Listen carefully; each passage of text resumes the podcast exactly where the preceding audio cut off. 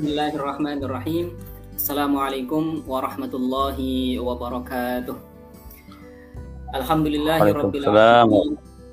Alhamdulillahilladzi hadana li hadza wa ma kunna linahtadiya laula an hadana Allah. Asyhadu an la ilaha illallah wa asyhadu anna Muhammadan abduhu wa rasuluh. Allahumma rabbi shrah li sadri wa yassir li amri wa hlul 'uqdatam min lisani yafqahu qawli amma ba'du. Ya, uh, teman-teman Hiwar, kawan Hiwar semuanya yang dirahmati Allah Subhanahu wa taala. Alhamdulillah kita masih bisa uh, berjumpa sapa kembali ya walaupun tidak bisa bermuajah hisan insyaallah muajah dengan wasilah-wasilah seperti ini bisa terus menyambung roh semangat uh, keislaman kita, roh semangat belajar kita, roh keislaman kita juga terus uh, kita tingkatkan dengan uh, wasilah-wasilah seperti ini. Begitu. Alhamdulillah, saya senang sekali pada malam hari ini saya bisa bertatap muka dengan uh, uh, dengan sang maestro kita, ya kan? Alhamdulillah, saya berhasil melobi beliau. Salam. Oh ini beliau dulu uh, senior kami ketika berada di Mesir. Beliaulah yang membimbing kami dulu, beliaulah guru kami, senior kami dan Eh, guru bagi teman-teman semua yang ada di Mesir ya. Alhamdulillah silaturahim kita masih terjalin hingga sekarang. Beliau sudah mengabdi, berkiprah, bergerak di bidang dakwah kita. Dan alhamdulillah karena beliau uh, sudah sekian beberapa tahun lah ya, sudah berjalan bergerak di bidang dakwah. Saya kira kita perlu banyak nih beristifadah ya dari sosok beliau ya yang sudah mencoba sedikit demi sedikit menyebarkan ilmu al-azhar. Menyebarkan ilmu al-azhar pemikiran-pemikiran al-azhar di tanah air kita tercinta Indonesia. Ya jadi itulah kurang lebih eh, daripada perkenalan ya dengan beliau. Beliau bernama Serbito Purnomo sekarang uh, sudah berdomisili di Palembang ya. Tadi beliau cerita sepertinya beliau bakal hingga akhir hayat di sini kan uh, jadi ingat perkataan Imam Syafi'i beliau udah punya firasat ini mau mau apa mau lama dulu ketika Imam Syafi'i sampai di Mesir gitu kan Iya. Yeah. ya kan apakah aku digiring kepada uh, liang kuburku ataupun apa pun itu saya kira di mana pun beliau berada insya Allah uh, beliau akan menjadi sosok yang khairun nas anfa'uhum linnas bermanfaat. Amin. Allahumma amin. Ya, uh, insya Allah uh, pada segmen kali ini kita mencoba untuk mengangkat tema tentang psikologi dakwah, ya, tentang bagaimana ya kita meneladani Nabi Shallallahu Alaihi Wasallam berdakwah menyebarkan agama Islam, ya, di mana uh, rahasia di balik keberhasilan tersebarnya Islam saya kira ada pada manhaj metode Nabi Shallallahu Alaihi Wasallam dalam menyampaikan Islam. Uh, tapi lebih spesifik mungkin kita akan lebih mengupas sebuah uh, mungkin hadis ya yang pernah Nabi sampaikan atau qaul masyhur ya dinisbatkan kepada beliau khatibun nasa ala qadri uqulihim ya kan? Uh, berbicaralah atau sampaikanlah ya ajaran-ajaran Islam kepada umat dakwah sesuai dengan derajat mereka, kemampuan mereka, sesuai dengan psikis mereka dan begitu seterusnya. Jadi uh, Nabi Shallallahu Alaihi Wasallam dalam beberapa hal, dalam beberapa kesempatan, ya, ini sangat eh, hati-hati di dalam menyampaikan ajaran Islam. Ya. sebelum beliau menyampaikan, beliau akan memperhatikan siapa ini yang bertanya, ya. sakofah dia bagaimana, kebudayaan dia bagaimana, asal dia seperti apa dan begitu seterusnya. Itulah yang kemudian dikenal dengan psikologi dakwah. Jadi tidak mungkin tidak dar der dor begitu ya bahasa kasarnya ya. Jebret jebret gitu. Ya. Lebih lembut ya Nabi memperhatikan ahwal keadaan yang bertanya. Ya, itulah yang akan kita uh, gali lebih jauh dari pengalaman-pengalaman uh, beliau ya uh, yang akan mengiktibas juga dari kisah-kisah bagaimana Nabi Shallallahu Alaihi Wasallam berdakwah. Ya, tapi sebelum lebih jauh ya kita membahas tentang psikologi dakwah, bagaimana aplikasi dakwah Nabi. Mungkin kita tarik mundur sedikit membahas dulu tentang dakwah itu. Sebenarnya kalau dikaji secara definitif dakwah itu apa sih sebenarnya? Uh, tujuan esensi dakwah itu juga apa sih sebenarnya? Gitu. Mungkin itu yang ingin kita tanyakan dulu. Waktu dan tempat saya persilahkan kepada beliau Maulana Syekh Tito Purnomo untuk uh, barangkali saya persilahkan memperkenalkan diri dulu Maulana. Baik. Bismillahirrahmanirrahim. Assalamualaikum warahmatullahi wabarakatuh. Buat eh, ini sahabat saya Ustadz Milah yang luar biasa.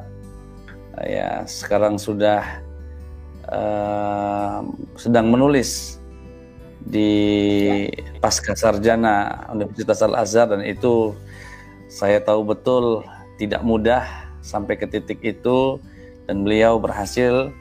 Alhamdulillah semoga terus dilancarkan yutimullahul baqi insyaallah wal uqbah lil doktorah insyaallah. Ya amin, sampai amin. doktoral insyaallah. Amin ya rabbal alamin dan saya ucapkan terima kasih uh, diundang untuk ya berbagi sedikit apa yang mungkin dialami atau yang kita kita ketahui melalui Hiwar DMTV. Semoga terus maju, terus memberikan manfaat uh, seluas luasnya.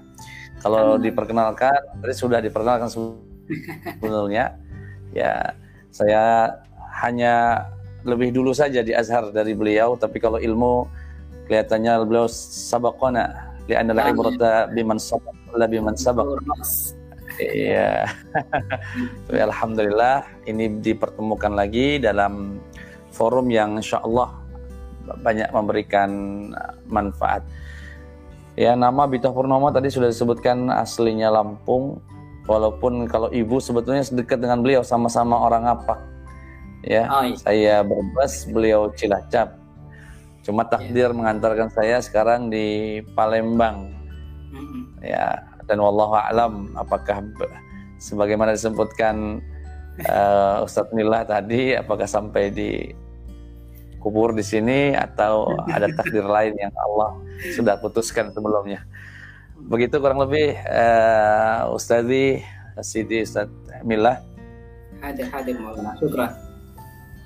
Uh, adapun yang ditanyakan tadi esensi dakwah itu apa ya? Sebetulnya akan berhulu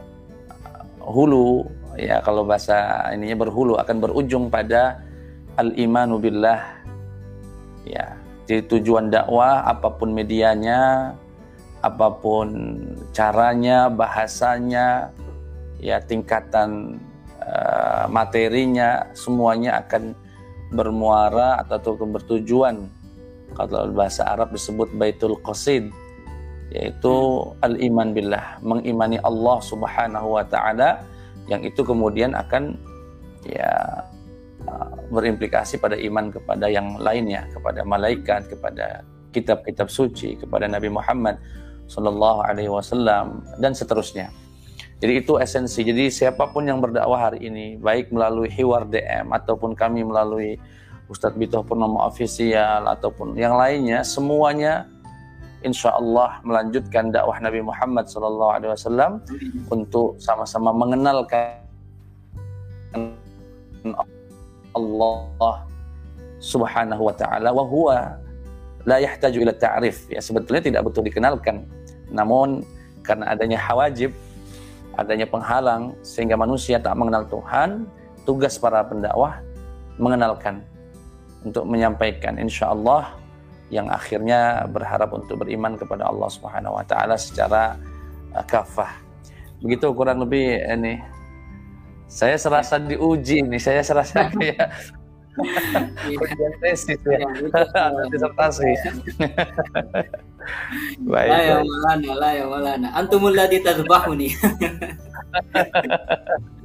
oh ya menarik malah tentang uh, esensi dakwah ya. Memang dakwah itu ya muara akhirnya hilirnya memang untuk mengantarkan mengenalkan uh, umat dakwah kepada Tuhan ya dalam hal ini Allah Subhanahu wa ya. taala ya Nah, tapi uh, kalau mau dianalisis secara bahasa mungkin ya Maulana, secara bahasa Arab sebenarnya dakwah itu lebih kepada mendorong atau mengajak sebenarnya Maulana tentang uh, dakwah itu kalau dakwah diambil dari kata da'aya dong misalnya Iya.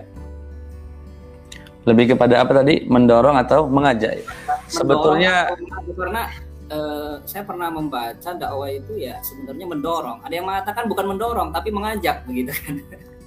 ya, ya. saya kira eh, mendorong dan mengajak ya al-jam'u khairun min tarjih ahadihima. Iya.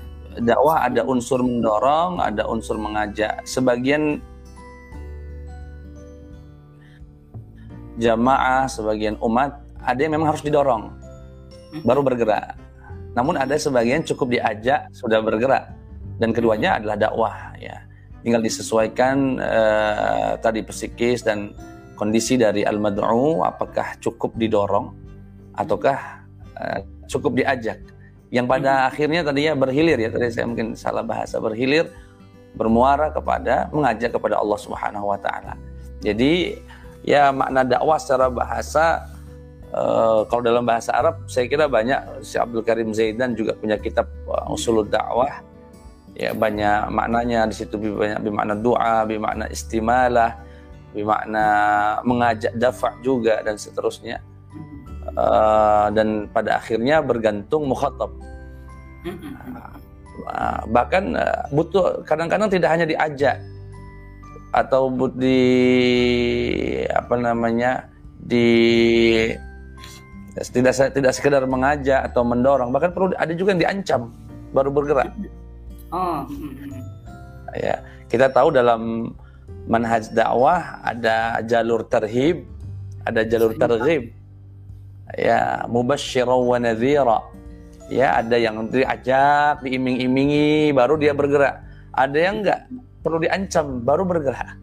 Jadi semuanya media, wasailnya, wasilahnya boleh beragam, tetapi pada akhirnya itu kecerdasan dan kebijaksanaan seorang pendakwah yang bisa mendiagnosa dulu.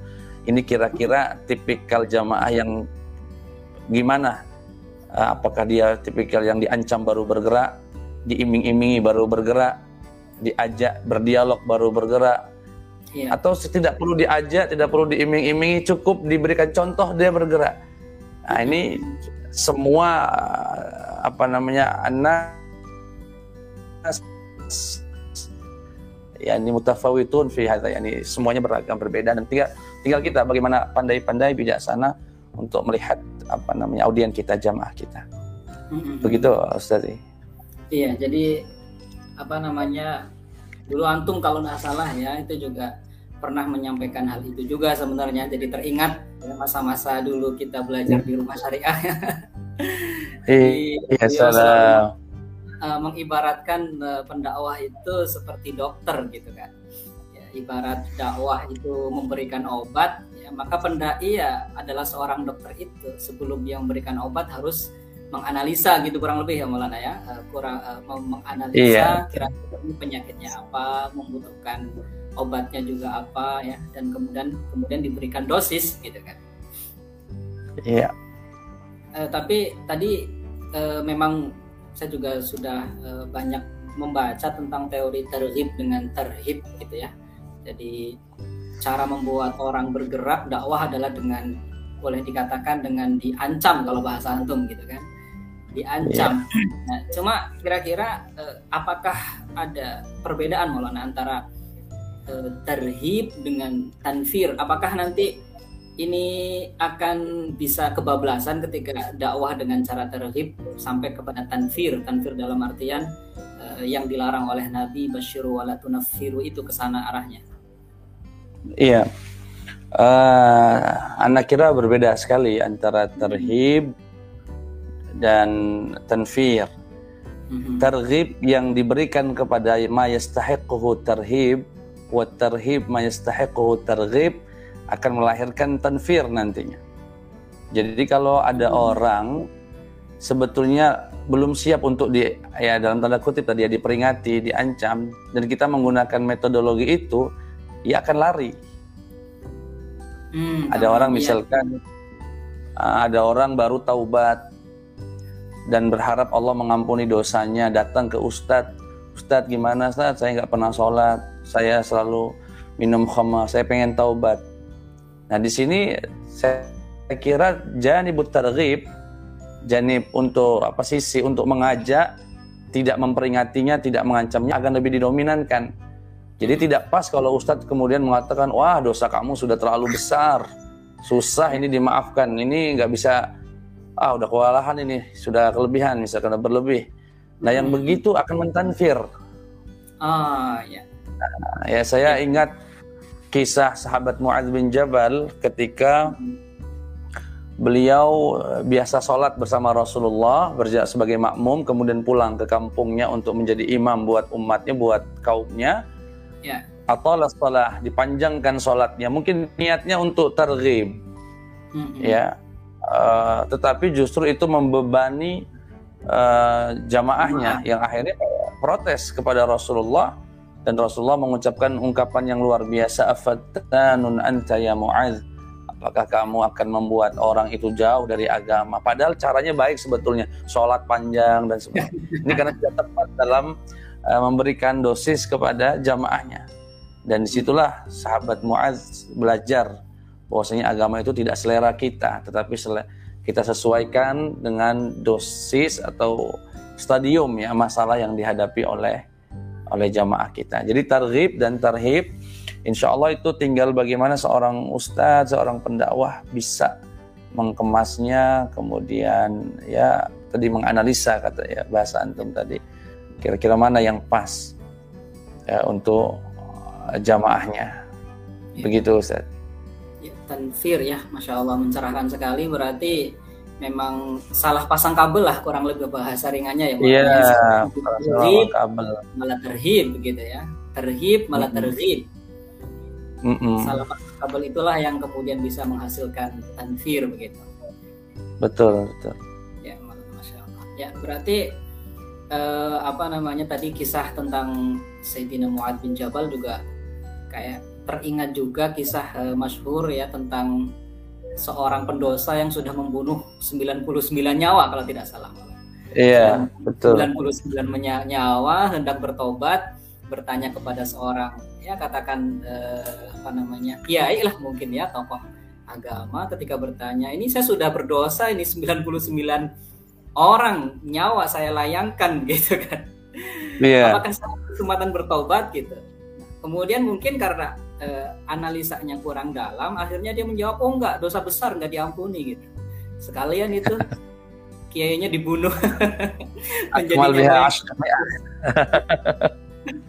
jadi genepin 100 ah, jadi genepin 100 membunuhnya iya iya. jawabannya karena nggak karena nggak tepat kali ya Maulana ya. Iya tidak tepat. Orang semacam itu sedang butuh tempat bergantung tempat butuh harap. Jadi rojaknya sedang di ke depan. Tapi ada yang menarik ini Ustaz Mila. Iya uh, kalau kita ditanya hari ini umat ini hari ini secara umum Ya, saya katakan secara umum karena ada sebagian personal yang mungkin berbeda. Secara umum tepatnya terhib atau terhib itu yang ah, sedang di nah, saya membaca salah satu uh, tulisan ya dan beberapa tulisan lain di antaranya Syekh Ali Jum'ah ketika membahas tentang di di kitab beliau Al Bayan bahwasanya hmm. nahnu na'ishu fi asri syubhah kita hidup sekarang ini di zaman ya untuk mendapatkan kehalalan yang murni untuk menerapkan wara' yang seperti dulu diterapkan oleh ulama-ulama terdahulu agak sulit sehingga umat hari ini fi hajatin ila targhib ya. Banyak untuk ya di, apalagi di tengah masa pandemi ini orang sudah banyak tekanan dengan ekonomi dan itu berdampak pada uh, hubungan sosial baik itu dalam lingkup keluarganya ataupun masyarakatnya, kemudian juga dari sisi politik sudah begitu krusial ya, sudah begitu apa namanya paradoks kalau bahasa ini sudah sangat susah sekali kondisi. Nah kemudian jika datang ustadz uh, yang uh, di tengah krisis dari segala sisi itu datang untuk mengancam uh, membahas hari kiamat, kemudian menakut-nakuti. Saya kira itu tidak pas ya. Sehingga orang malah akhirnya agama menjadi beban buat dia. Seharusnya agama hadir sebagai solusi, hadir sebagai membuka pintu-pintu harapan, justru dihadirkan sebagai sebuah ancaman baru dan menambah, menambah beban buat mereka. Walaupun tidak menutup kemungkinan memang ada sebagian umat yang butuh diterhib. Ya. ya. Tetapi kalau secara umum yang saya alami di tengah masyarakat, mereka senang. Sekarang ini warung-warung banyak tutup, mulai sepi dagangnya, ya yang dipecat yang ada kemudian nyari kerja sulit mereka sedang banyak tekanan dengan hutang-hutang datang misalkan saya ngisi pengajian dosa misalnya membahas tentang dosa uh, hutang atau bahayanya hutang piutang mungkin tidak. Pas mereka hanya ah, akhirnya nggak datang ke pengajian. Tapi kalau datang ke pengajian memberikan solusi memberikan semangat saya uh, itu sangat bijaksana. Sehingga wajar kalau janibut targhib fi ini ayamina hadhi di waktu kita saat ini sangat lebih dominan ketimbang tarhib. Ini subjektif penilaian kami ya, mungkin setiap jamaah beda-beda ya. Ada. Nah. Ya tapi uh, istilah ter terhib mungkin ya terhib yang artinya uh, memang lebih kepada kalau di Jawa dulu saya di pesantren menerjemahkan amang-amang malah kalau terhib itu ya? iming-iming ya? iya oh, kalau gitu. terhib iming-iming jadi ya oh, iya, bagus, bagus, amang-amang ya Uh, kan lebih lembut kalau yeah, yeah. itu mengamang-amang gitu dulu kayak kami di pesantren mm -hmm. tapi saya kira uh, terhib ya arti mengamang-amang atau mengancam itu pastinya bukan berarti kita membenarkan narasi-narasi dakwah yang kotor dan bisa menyakiti ya Maulana ya. Iya, iya. Itu, itu karena harus tujuannya tarhib juga untuk mengajak ke Allah. Kalau tarhib dengan mencaci maki justru menjauhkan orang ke Allah.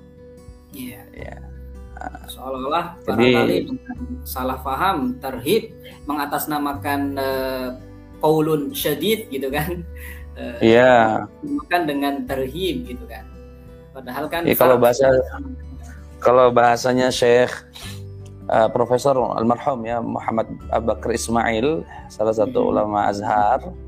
Beliau berkatakan al-Islam syadidun bila unfin walayyinun la'an dha'fin gitu ya. Islam itu tegas tapi tidak pun dengan kekerasan. Lembut bukan karena lemah. Iya. jadi ya, itu sangat ideal sekali bagi kita ya. Jadi beda kalau yang caci maki kemudian uh, merendahkan baik itu sisi kemanusiaan ataupun yang lain saya kira itu bukan bagian dari tarhib tarhibnya ya iya. tarhib Rasulullah ya wa, wa aimullah misalkan lo anna Fatimah binta Muhammadin saraqat laqata'tu yadaha ya tekanan-tekanan semacam itu kan insya Allah tidak bagian dari apa namanya menjauhkan orang dari Allah Subhanahu wa taala. Ya. Ya, uh, syukran alal ifadah Maulana. Uh, kemudian saya juga penasaran ini setelah uh, mengetahui tentang dakwah ya dan kemudian esensi-esensi dakwah. Uh, saya ingin uh, mencuri lah uang tenaga yang antum curahkan bertahun-tahun di dalam satu menit dua menit. Artinya saya ingin antum gimana gimana Nah, mm-hmm. maksudnya saya ingin menyerap pengalaman antum untuk antum sampaikan dalam beberapa menit gitu ya tentang yeah. Iya. uh, motivasi untuk bergerak di bidang dakwah malah. Soalnya kalau saya mencari semangat berdakwah di Al-Qur'an misalnya, di hadis ya. Saya kira memang tidak terhitung teks-teks yang berbicara tentang keutamaan dakwah sehingga saya akan semangat berdakwah gitu. Tapi sekarang saya ingin semangat berdakwah itu diambil dari pengalaman antum gitu. Jadi mungkin ya, salah. uh, ya nih uh, mohon ininya Maulana uh, motivasi lah. Ya. mungkin spirit yang antum punya itu mungkin boleh dibagikan ke kami sehingga apa namanya itu spirit dakwah bisa terus diperjuangkan. Ini dari pengalaman antum saja. Siap. Kalau kata orang Arab is'alil mujarrib wala tas'alil hakim Tanya orang yang telah mencoba. Iya. Uh, ya mungkin sabak sabakna bil tajribah uh, insya Allah ya ada ada sedikit pengalaman ya. yang pasti dulu saat kita sama-sama ngaji di Al Azhar kemudian kita tinggal bersama di rumah syariah ada salah satu apa namanya tujuan kita motivasi kita yaitu selain berilmu berakhlak ada jiwa kepedulian Ya. Nah, jiwa kepedulian inilah yang kemudian mengawali kita untuk bergerak untuk berdakwah. Karena kalau hidup untuk sendiri, saya kira sedikit ilmu pun cukup, sedikit perjuangan cukup, sedikit uang juga cukup. Tapi jika hidup ini untuk mengajak yang lain, ya maka tidak ada cukupnya waktu dan pikiran kita apa namanya tercurahkan untuk mengajak tersebut. Saya sendiri uh, ini videonya kayaknya ini ya. Gimana Ustaz Milah suara aman? Agak terputus ya.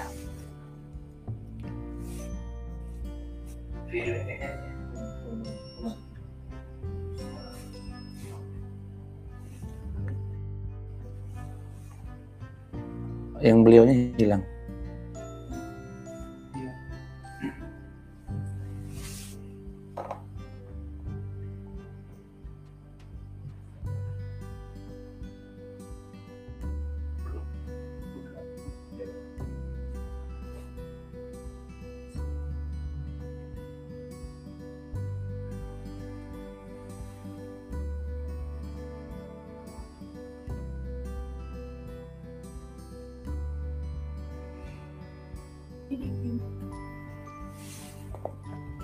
Mohon maaf, Maulana terputus.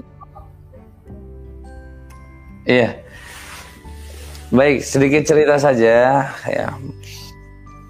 Motivasinya eh, kalau dalam dua menit mungkin saya awali dengan firman Allah eh, di mana Allah Subhanahu wa taala berfirman a'udzu billahi minasyaitonir rajim wasari'u ila maghfiratin min rabbikum وجنة عرضها السماوات والأرض أعدت للمتقين saya membaca ayat ini membayangkan bahwasanya surga itu seluas langit dan bumi itu artinya ada motivasi untuk kita mengajak orang lain ya karena buat apa Allah menciptakan surga seluas itu kalau yang mengisi hanya segelintir orang Nah, dari situlah uh, motivasi untuk mengajak termasuk keluarga, orang-orang sekitar agar nanti sama-sama untuk uh, menghuni surga yang telah diciptakan Allah Subhanahu wa taala. Makanya kami punya yayasan yang sedang dalam proses pembentukan walaupun secara uh, apa namanya per, perjalanannya pembentukannya sudah dua tahun. Cuma akan menjadi yayasan resmi dalam waktu dekat kami sebut namanya Yayasan Sahabat Sampai ke Surga. Karena kami ingin semua, baik itu sang ustadz, yang sang murid yang membantu wakaf, yang hanya menonton melalui YouTube, siapa pun berharap dengan itu tafaulan eh, masuk ke surganya Allah Subhanahu wa taala membersamai Nabi Muhammad sallallahu alaihi wasallam. Dan karena dakwah ini tanggung jawab kita semua bahkan Syekh Abdul Karim Zaidan itu termasuk yang menegaskan ini kewajiban fardu ain. Dakwah itu maka juga ya amanah Al Azhar kami emban semampu kami semua sepemahaman kami. Pertama dakwah ya dengan uh, saya pengalaman saya cerita pengalamannya di Palembang saja dulu. Di Palembang ini saya pertama datang karena untuk mengemban tugas sebagai dosen di UIN sehingga saya saat itu ber, memutuskan sempat memutuskan untuk tidak berdakwah di uh, masjid-masjid, uh, pengen fokus di kampus. Sehingga selama dua minggu saya menjadi jamaah di masjid dekat tempat tinggal. Saya ingin berpenampilan biasa-biasa saja, kadang menggunakan kaos, menggunakan sarung uh, yang biasa, peci biasa, pulang, kemudian masuk ke masjid lagi karena tidak ada ingin dakwah sampai kemudian uh, salah satu saudara yang mengenalkan diri ke uh, pengurus masjid kalau saya punya adik sudah tinggal di sini dua minggu, beliau alumni Mesir, bla bla bla. Tolong dong dikasih kesempatan ngimam sholat misalnya. Akhirnya nah, saudara ini lapor ke saya, deh udah saya kenalkan tadi, aduh kok dikenalkan malah nanti malah disuruh ngimam gitu. Yes, ya sudah gimana orang ayo ayo kami manggilnya pengen ada ini juga sayang ilmunya katanya. Hmm. Sejak hari itu saya berubah, pakai sarung yang bagus, pakai baju koko yang rapi, peciannya juga. Setelah itu ditunjuk suruh imam ya ditembak bahasanya. Imam saat itu sholat uh, subuh Jumat. Kebetulan kebiasaan di sini setelah saya amati membaca surat As-Sajdah dan Ad-Dahar atau Al-Insan. Sudah saya baca, selesai Assalamualaikum langsung ditembak juga suruh ngisi ceramah kultum. Ya saya ngisi, setelah ngisi besoknya pemuda-pemuda di sini dan rata-rata anak hijrah dari band ya, ya pada anak-anak band itu hijrah ke rumah Ustadz. Kami sudah dengar pengajian Ustadz subuh tadi. Kami kelihatannya cocok dengan ceramah Ustadz dan seterusnya. Gimana kalau kita buat majelis? Dan perlu disampaikan juga di Palembang ini agak berbeda dengan di Lampung mengisi kajian rutin kalau di Palembang ini setiap ustadz memiliki majelis asuhan. Hmm, ya. Aja majelis asuhan dan itu terinspirasi dari para habaib karena Palembang ini dikenal Ardul Habaib ya. Banyak sekali habib-habib yang ada di sini dan mereka sudah punya majelis-majelis. Uh, jadi setiap majelis membaca dia ulami misalkan atau simtul durar atau burdah misalnya kemudian dilengkapi dengan pengajian. Nah, saya setelah mengamati itu tugas saya melengkapi apabila dirasa ada yang kurang dan saya lihat ada e, di mana di sini majelis dominan dengan membaca solawat sampai satu jam dua jam kemudian ceramahnya mungkin setengah jam nah saya ingin balik presentasinya solawatnya saya buat sekitar 15 menit sampai setengah jam sisanya pengajian iya. ilmiah yeah. gitu e, mengingat ya ada juga kelompok sebelah ya mungkin antum paham siapa yang dimaksud. Juga kajian ilmiahnya itu cukup masif sehingga ini sedikit atau banyak mengancam untuk tradisi solawat itu ke depannya akan di, dipermasalahkan. Sehingga saya kira perlu ada benteng buat pemuda-pemuda. Akhirnya pengajian itu diawali dengan uh, solawat begitu sampai 15 menit setengah jam baru isi kajian. Dan alhamdulillah sudah dua tahun ini ada beberapa kitab dan saya dulu sempat komitmen pengen menghidupkan pemikiran Syekh Al-Buti. Maka kitab-kitab Al-Buti Syekh Ramadan Al-Buti rahimahullah seperti fikih sirah kita sudah hatamkan kemudian min sunanillahi fi ibadi sudah kita hatamkan kemudian uh, Al-Hikam Syarah Al-Hikam juga sedang kita proses kaji terus dan seterusnya uh, akhirnya teman-teman karena mereka punya pengalaman dalam dunia media sosial kita buat tim. Buat tim dakwah kemudian ber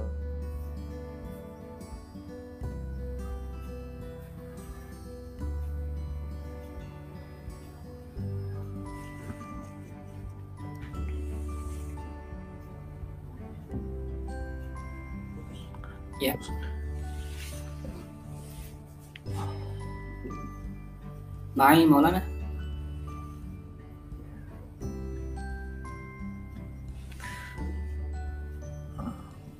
Beliau yang terputus ya. Ma'aya Maulana? Ma'aya, ma'akum insyaAllah. Hadir, hadir, hadir. Ya. Nah, jadi ya akhirnya punya juga dakwah melalui uh, media ya, media. Kemudian Ah, dan mendirikan majelis juga. Majelis ya, melihat cara para habaib para kiai di sini. Kita buat majelis saya beri nama majelis an-nafahat ya, kemudian sudah berjalan sudah dua tahun. Kemudian dapat lampu hijau dari orang tua mengizinkan untuk tinggal di Palembang. Akhirnya saya baru satu bulan ini Bismillah agar kajian lebih bisa mengkader akhirnya ada rencana mau membangun pesantren juga di uh, Palembang ini. Uh, itu selain dari kegiatan di kampus yang sudah menjadi ya abdi kita ke negara ya, abdi negara juga. Luar biasa di dunia. Luar biasa. Ya, alhamdulillah. Itulah kurang lebih uh, perjalanan dakwah di Palembang ini. Ya. Ini menarik sekali Maulana. Sosok seperti antum ini menarik sekali ya kan. Bergerak di bidang dakwah ya kan. Kemudian akademisi juga di kampus. Saya jadi teringat kemarin pas main ke Jogja eh, diceritakan Mbah Munawir Mbah Munawir Kerapiak yeah. itu katanya beliau memang jadi walau pada waktu itu masih jarang sekali yang mau menjadi dosen beliau ngedosen juga katanya di UIN Jogja jadi beliau aktif mm -hmm. begitu ya. Kemudian uh, aktif uh, di masyarakat begitu. Tapi ternyata di satu sisi ya ketika banyak kiai-kiai kita yang nggak terjun di dunia kampus begitu ya beliau masih mau Maulana sudah sepuh masih terjun ke dunia kampus begitu ya. Uh, pagi sarungan apa malam sarungan ya kan pagi-pagi ya nih pakai jas gitu ya. Kemudian ke mana? Ke kampus. Itu luar biasa juga uswah dari beliau. Jadi beliau menyentuh masyarakat dari strata bawah hingga yang sampai akademik gitu. Ini luar biasa ya. Semoga uh, spirit antum bisa menular kepada kami ya berkah al arwah junudun mujannada insyaallah maulana. Iya iya iya. Ya. Tapi ini mungkin uh, pertanyaan atau uh, segmentasi obrolan terakhir ini maulana ya saya juga kadang-kadang iya gimana maulana bertanya-tanya itu Ustaz jadi kalau pagi rapi berbatik, pakai sepatu pantopel, layaknya seorang akademisi, malam sarungan atau berjubah, pecian. Iya. Kadang-kadang subhanallah. Jadi berbagai latar belakang, tapi itu insya Allah, masya Allah akan luar biasa sekali efeknya ke pribadi antum. Semoga semakin berkah diberikan kesehatan. Iya, Allahumma. Ya tadi. Allahumma amin wa iyyakum insyaallah. Amin. Sempat terpotong, saya ingin menanyakan untuk segmen terakhir ini tentang uh, apa ya tentang oke okay lah mungkin psikologi dakwah memang sangat jelas bahwa Nabi mencontohkan agar ketika kita menyampaikan memperhatikan keadaan masyarakat terlebih dahulu ya tidak jebret-jebret begitu. Cuma mungkin ada nggak kisah Maulana tentang Nabi Shallallahu Alaihi Wasallam ketika menyampaikan Islam kepada non Muslim mungkin ya? Dalam konteks ini mungkin dulu konteksnya konteks Nabi kafir Quraisy Makkah ya atau Yahudi eh, di Madinah ya. Di mana dari kisah itu kita bisa mengambil bahwa ternyata Nabi bersikap itu juga memperhatikan keadaan mereka begitu.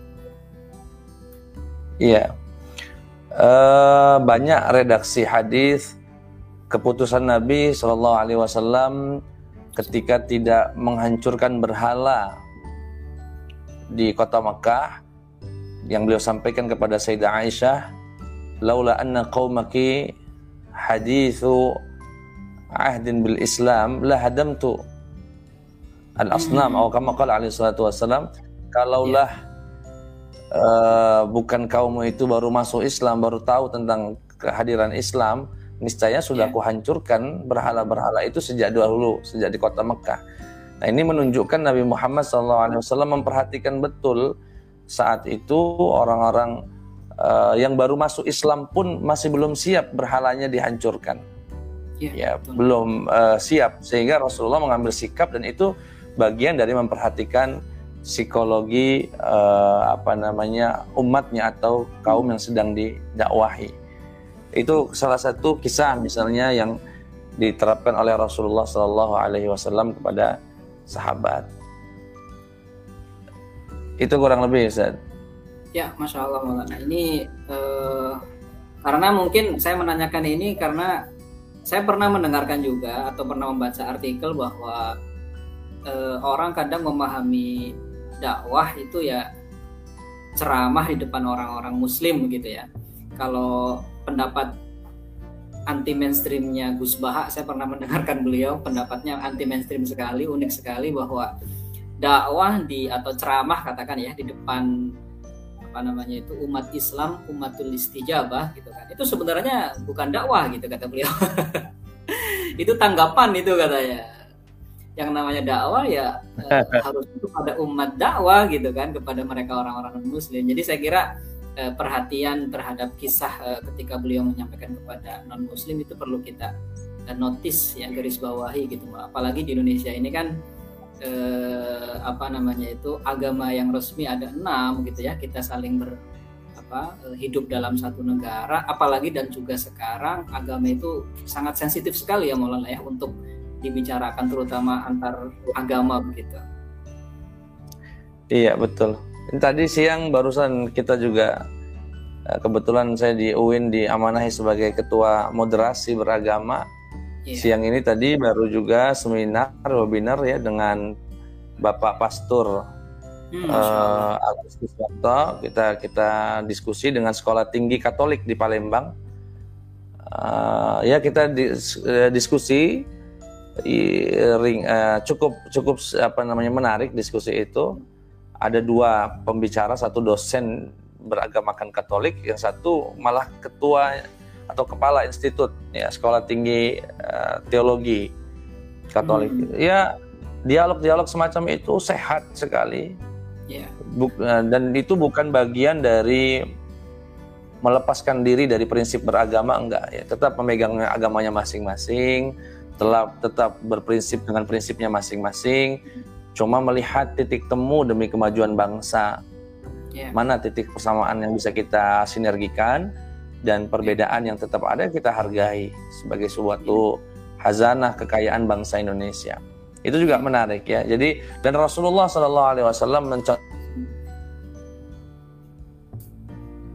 dan Rasulullah SAW telah memberikan contoh yang terbaik untuk itu.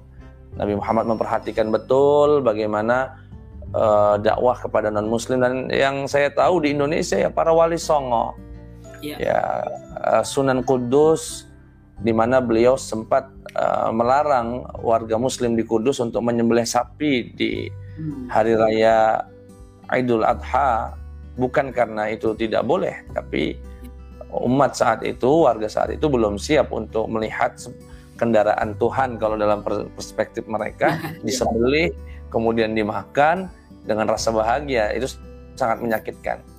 Cuma yang menarik begini ya Ustadz Mila mungkin sebagai pelengkap saja.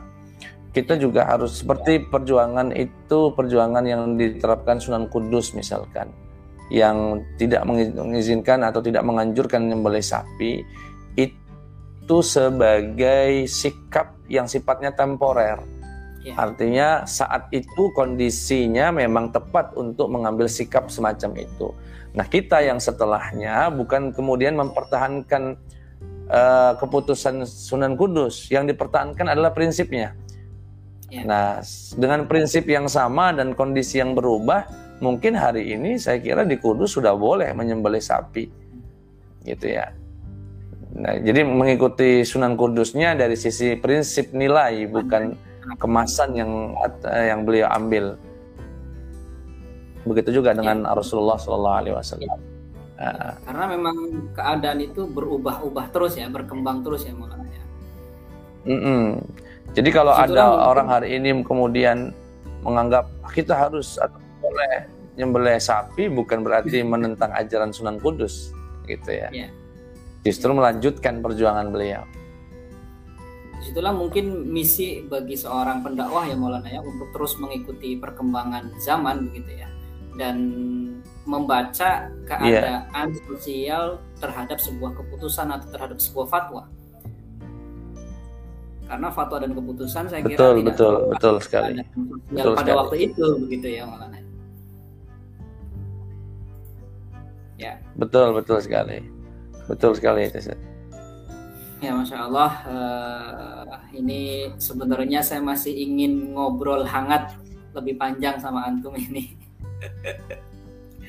Tapi karena semoga ada sesi ya, tiganya nanti. Insya Allah, insya Allah.